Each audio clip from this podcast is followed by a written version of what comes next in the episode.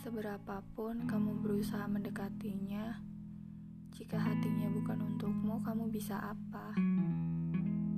Sesering apa pun kamu menyebut namanya di dalam setiap doamu, jika dia lebih memilih nama lain di dalam doanya, kamu harus bagaimana? Mau sampai kapan kamu menikmati rasa sakit itu sendirian? Mau sampai kapan kamu nyiksa diri kamu sendiri? Capek ya? Atau belum sadar? Ingat, dia bukan mimpi yang bisa kamu kejar kapan aja. Tapi dia hanya bulan yang keindahannya cuma bisa kamu lihat dari kejauhan. Mungkin Tuhan memang hanya mempertemukan